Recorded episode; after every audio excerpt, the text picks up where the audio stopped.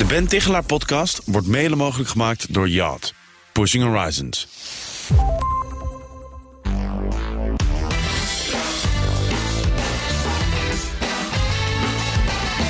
Stel je even voor, twee dagen geleden had je een vergadering. Het is jouw taak om de notulen uit te werken. Maar je komt er niet toe.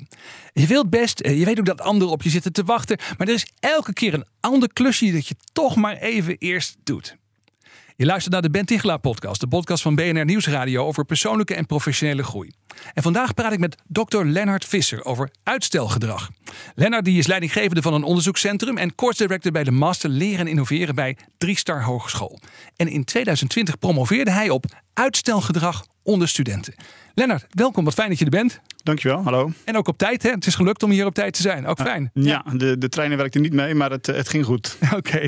Hey, um, jij hebt je jarenlang verdiept in uitstelgedrag. Eerst maar eens eventjes, hoe groot is dat probleem eigenlijk? Hoeveel mensen hebben er last van? Ja, als je kijkt naar de, de cijfers van, uh, van de onderzoekers die daar uh, goed naar kijken, heeft uh, 80 tot 90 procent echt wel ja, regelmatig uitstelgedrag. maar een ja, groep van 30 tot 50 procent heeft er echt last van. Dus die is wel, okay. de mensen die er echt last van hebben, is wel kleiner. Dus allemaal stellen we wel eens dingen uit. Ja. Maar er is een groep, bijna ja. de helft van die mensen dan weer, zeg maar, ja. die, die er echt last van heeft. Die, uh, die stellen dus regelmatig dingen uit. Ja, eventjes, uh, laten we direct maar even ook de definitie bij de kop pakken. Want volgens mij, uh, de onderzoekers die zich bezighouden met uitstelgedrag, die zeggen ja, het is pas echt uitstelgedrag als je er ook last van hebt, toch? Kunt u uitleggen, hoe zit dat? Ja, uitstelgedrag is het vrijwillig uitstellen van ja, voorgenomen activiteiten. Um, terwijl je eigenlijk weet dat, je, dat het niet handig is. Dus dat het op, op, uh, op langere termijn uh, komt het gewoon terug bij je. En dan is het uh, ja, onhandig om dat te doen. Dus ja, dus er zitten twee dingen. Het is vrijwillig dus. Ja, vrijwillig uitstellen, ja. ja. En aan de andere kant weet je dat je er last van gaat krijgen. Ja, klopt. Ja. ja. En, en, dan, dan, dan praten jullie dus van uitstelgedrag. Ja. Of problematisch uitstelgedrag. Ja, klopt. Ja. Oké, okay, heel goed. goed. Um, we hadden net over dat zoveel mensen er last van hebben. Waarom komt het zo vaak voor? Wat denk jij? Ja, omdat uh, uh, mensen worden bijvoorbeeld in hun studie of in hun werken heel vaak geconfronteerd met dingen die op tijd moeten gebeuren. Ja. Um, in de westerse cultuur is dat natuurlijk uh, ja, heel erg zichtbaar. en dan moet je ook op tijd je dingen doen en op tijd ja, je, je, eigen gedrag vormgeven of sturen. En dat kan voor sommige mensen lastig zijn. Ja, ja, dus je zou kunnen zeggen dat voor de uitvinding van de deadline toen was er ook geen uitstelproblematiek. Ik vermoed van niet, nee. Nee, precies. Dat is natuurlijk leven heel anders. Maar eigenlijk omdat alles zo op tijd staat en alles zo ja, eigenlijk haastig ook vaak moet gebeuren, zou je kunnen zeggen toen is dat probleem pas helder geworden. Ja, het, het heeft natuurlijk altijd te maken met dingen die af moeten. Ja. Ja. Maar ik bedoel, er zit natuurlijk iets in ons hoofd dat er altijd al voor heeft gezorgd dat we soms de ene liever doen dan de andere. Maar daar komen we straks nog wel over ja. te spreken met elkaar. Ja, goed. Hey, um, jij kijkt dan vooral ook naar uh, studenten. Uh, Pabo-studenten onder meer heb je onderzoek naar gedaan.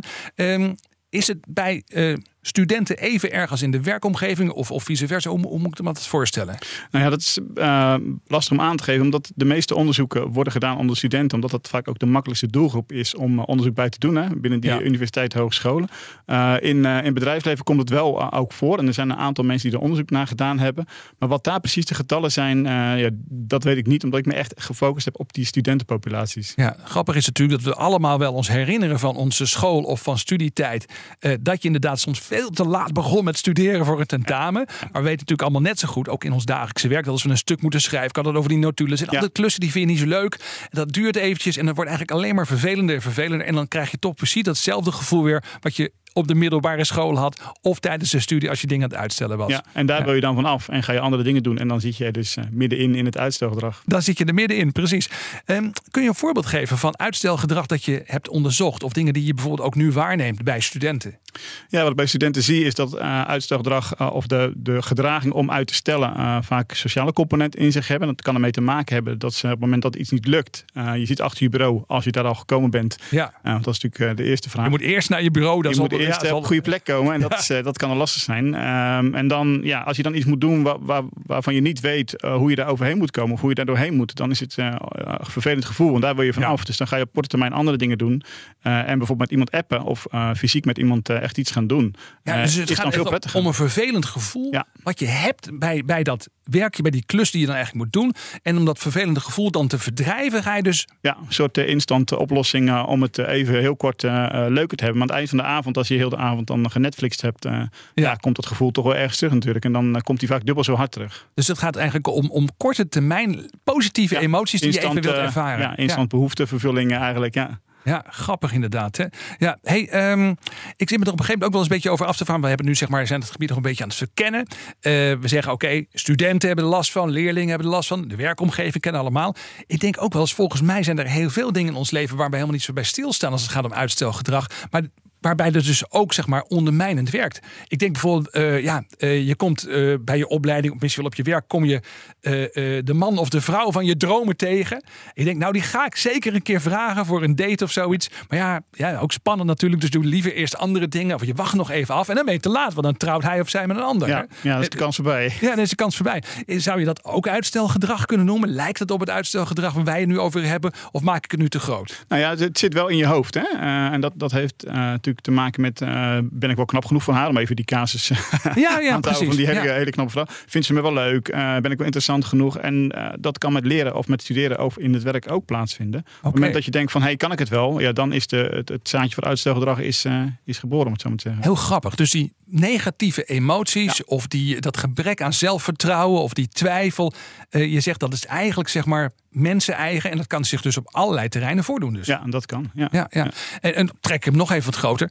Uh, kan je dat dan ook toepassen op grote wereldproblemen? Ik bedoel, ik denk maar eventjes een stapje verder. Hè. Uh, we zijn al vanaf de jaren zeventig bezig met de problematiek op het gebied van milieu en klimaat. Ja, en het lukt maar niet om uit de startblokken te komen. Is dat ook vergelijkbaar met uitstelgedrag waar jij onderzoek naar hebt gedaan? Of maak ik het nu echt veel te groot? Nou ja, dat is een heel groot thema. En uh, als thema's heel groot zijn, is het ook lastig om ja, goed te weten waar je het aan moet pakken. Kijk, zo'n zo thema als corona bijvoorbeeld bijvoorbeeld. Uh, natuurlijk van vrij recent. Uh, dan weten we van als we iets doen, is het uh, misschien over zoveel weken afgelopen. Of dan ja. kunnen we kijken naar die cijfers en die besmettingen. En dan heb je een soort instrument waarop je kan, of waarmee je kan sturen. Ja, iedere avond op het journaal kregen we de cijfers meteen terug. Hè? Ja, dus dat hielp ja, natuurlijk. Of het goed ging of niet goed ging. Dus dan heb je een soort meta-perspectief van hey, waar zitten we met z'n allen in dat proces van ja, richting die tunnel. waar, of die, dat, dat ligt in die tunnel. Ja. En bij, ja, bij die klimaatproblemen, dat zijn toch vaak wel grotere dingen. En als je nu wat doet, dan zie je pas over 15 jaar bij wijze van spreken uh, ja, enig effect. Ja. Uh, en dat maakt het lastig. Ja. ja. en ook hier stellen we vrijwillige dingen uit ja. waarvan we weten dat het later problemen oplevert. Ja, helaas dus dat wel, voldoet wel aan de definitie, zou je zeggen dan. Zeker wel, ja. ja. En okay. je ziet het om je heen gebeuren, ja.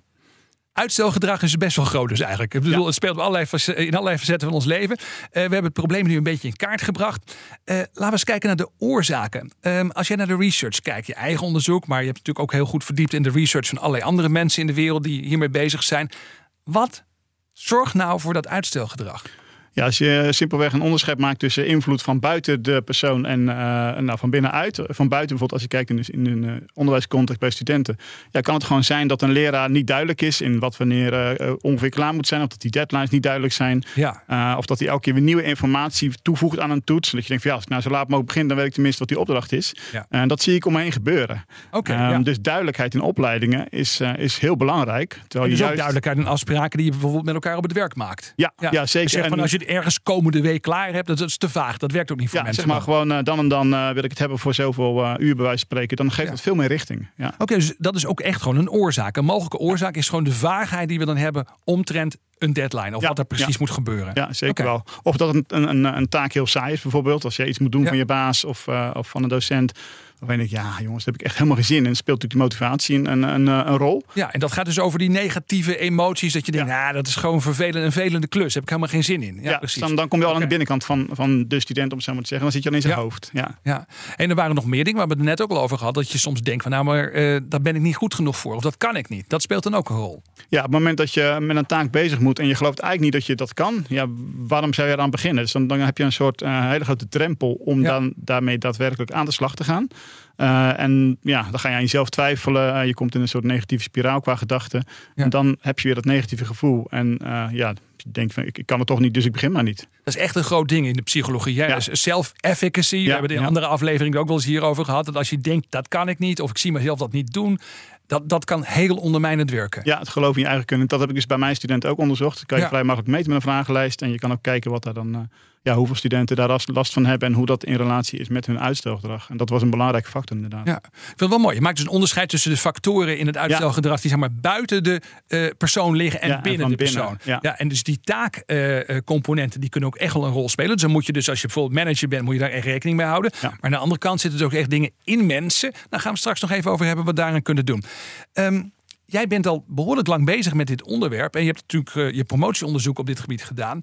Wat, wat zijn nou ook misverstanden op dit gebied? Want dit is dus hoe het werkt. En we gaan het ook over oplossingen nog hebben. Maar wat zijn nou misverstanden op het gebied van uitstelgedrag? Ja, dat is grappig. Heel vaak als ik hierover spreek uh, of lezingen over geef, dan zeggen mensen: het zal, het zal tegenwoordig wel veel erger zijn. Want je hebt veel meer verleiding om je heen van social media en dergelijke. Ja, ja. Uh, en toch, als je naar de cijfers kijkt, eh, was het probleem vroeger uh, ja, ongeveer net zo erg. Alleen waren er andere dingen die mensen af konden leiden. Ja. Moet zo moeten zeggen. Dus als jij afgeleid wil worden, dan, dan is er in welke context je ook zit, is er genoeg afleiding te vinden.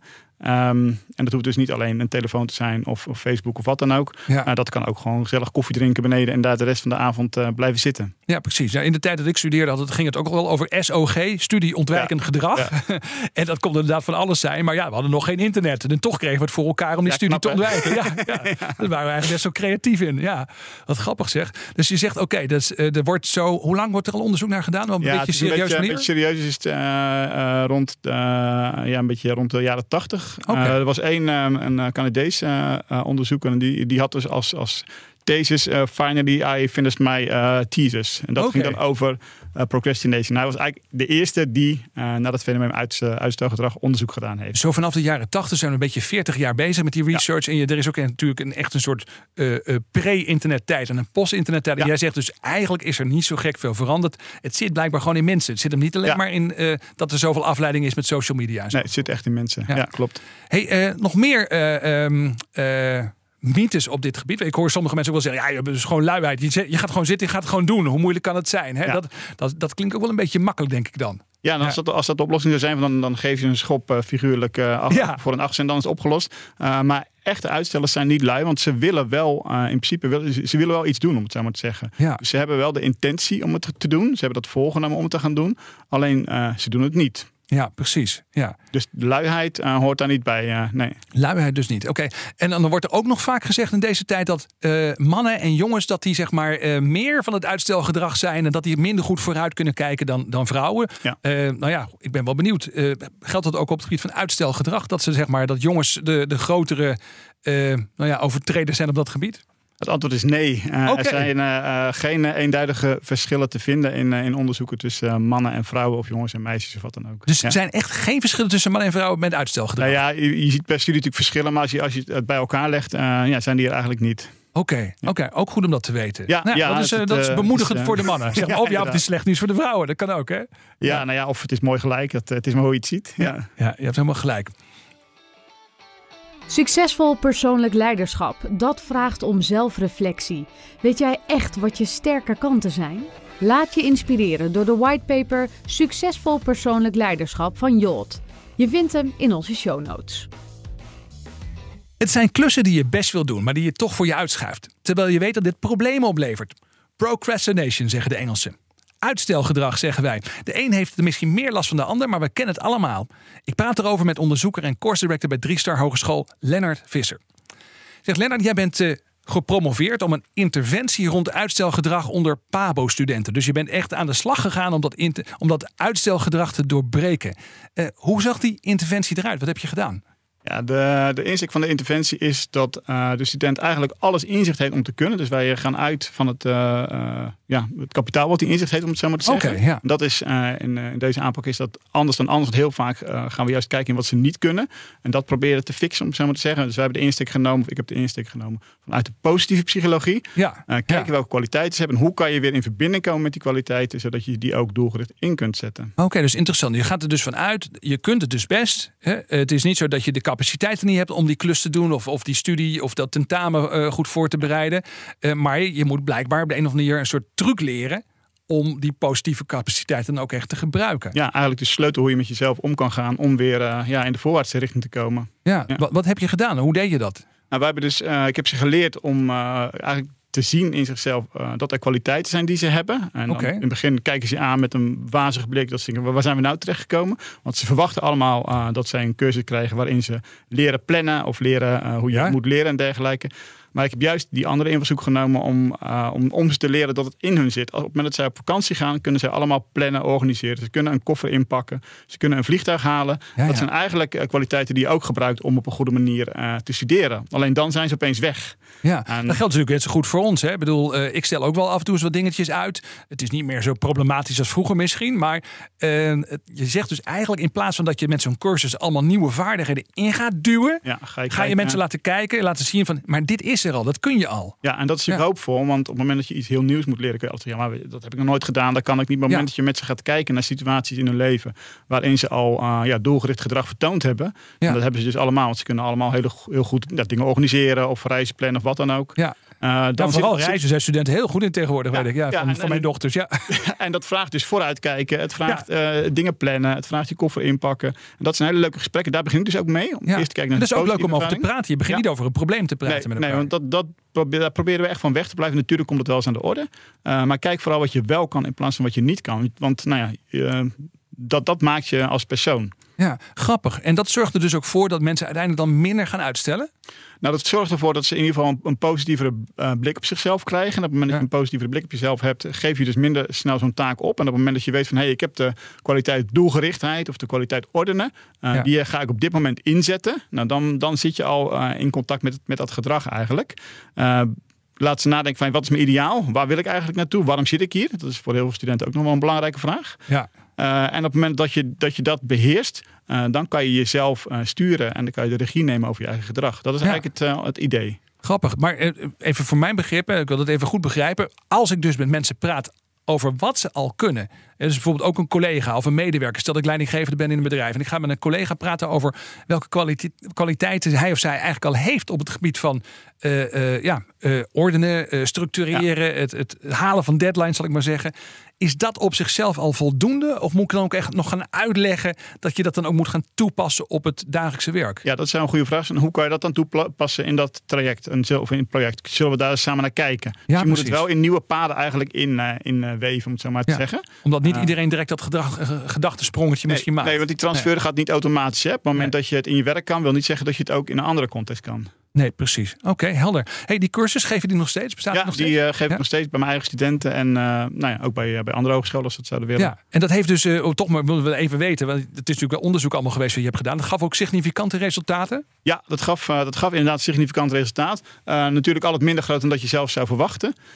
maar het feit dat ik het onderzocht heb met een controlegroep. en met een, een, groep die helemaal vergelijkbaar was met elkaar. Ja, dat is al een soort heel, van bijzonder. Want heel vaak gebeuren zulke onderzoeken met groepen zonder te kijken of het ook echt werkt. Um, er zijn maar een aantal studies eigenlijk op dit vakgebied die het echt helemaal volgens de, ja, de, de goede aanpak uh, onderzocht hebben. Ja, uh, en, en daar was ik jou, ja, is er voor jou er een van. Dus ja, ik ja. van. Ja, ja, ja. En, en, en, ik was dan de eerste die het deed op het gebied van, van positieve psychologie. Dus die waarderende benadering. In plaats van dat we kijken van hoe okay. ga je nou met al die problemen om. En nou ja. Ja, leuk. En, en, dat zorgt ervoor dat je inmiddels ook wordt uitgenodigd bij allerlei internationale congressen uh, op het gebied van uitstelgedrag. Ja, het is ja. Een, uh, ja, op een gegeven moment kom je daar natuurlijk uh, terecht en dan ga je met elkaar steeds verder duiken in, de, in dat thema. Dat is heel leuk. Het is een, een groep van ongeveer 80 wetenschappers wereldwijd die elkaar om de, om de twee jaar ziet. Ja, en ja. die zitten helemaal in dat uitstelgedrag. Ja, dat is echt heel bijzonder. Ja, is grappig hè? Ja. Ja, Zeg, hey, um, dit is natuurlijk één aanpak om uitstelgedrag aan te pakken. Wat zijn andere aanpakken die wetenschappelijk gezien een beetje goede kaarten hebben?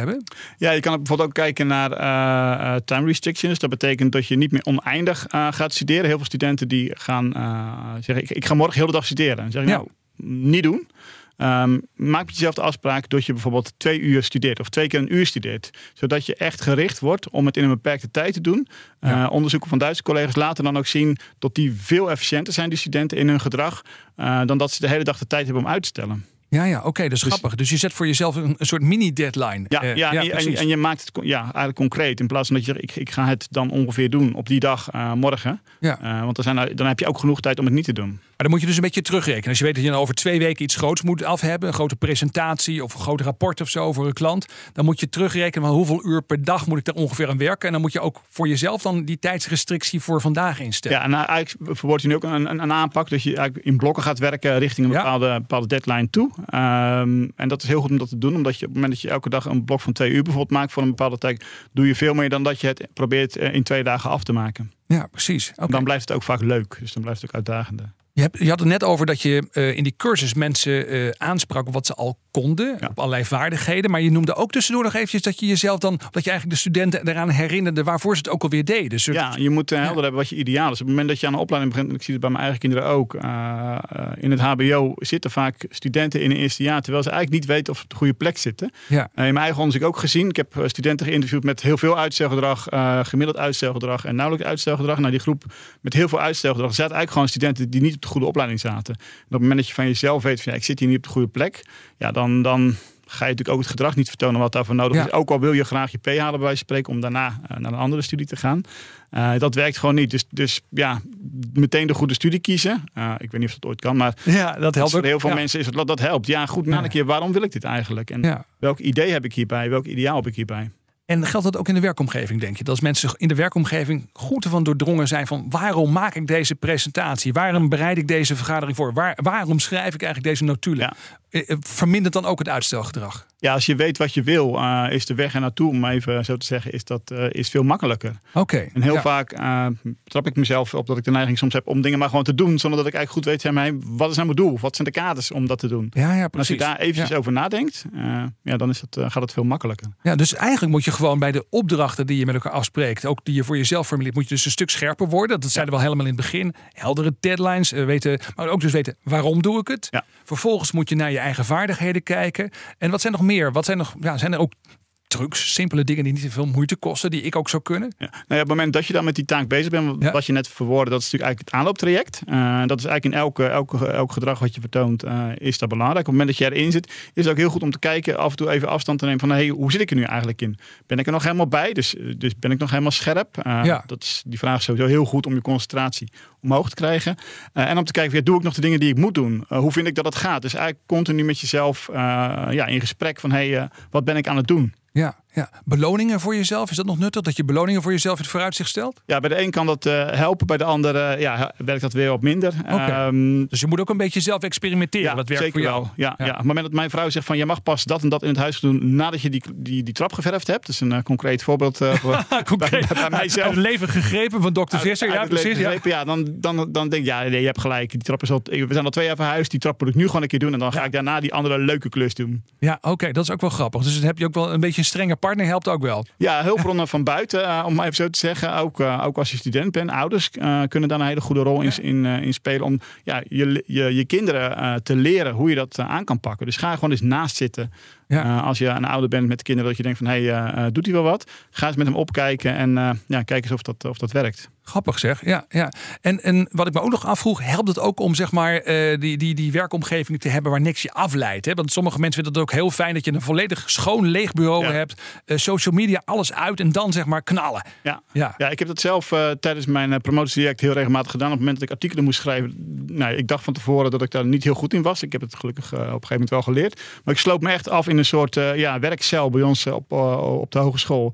En dat werkte voor mij heel goed. Um, maar op het moment dat jij als student zijnde een taak moet doen voor je studie en je gaat op je bed liggen, ja, dan is de kans dat je uitstelgedrag gaat vertonen uh, is veel groter. Omdat jou, jouw brein associeert een bed met, met, uh, met slapen ja, en met, met een sluimerstand, op het zo maar te zeggen.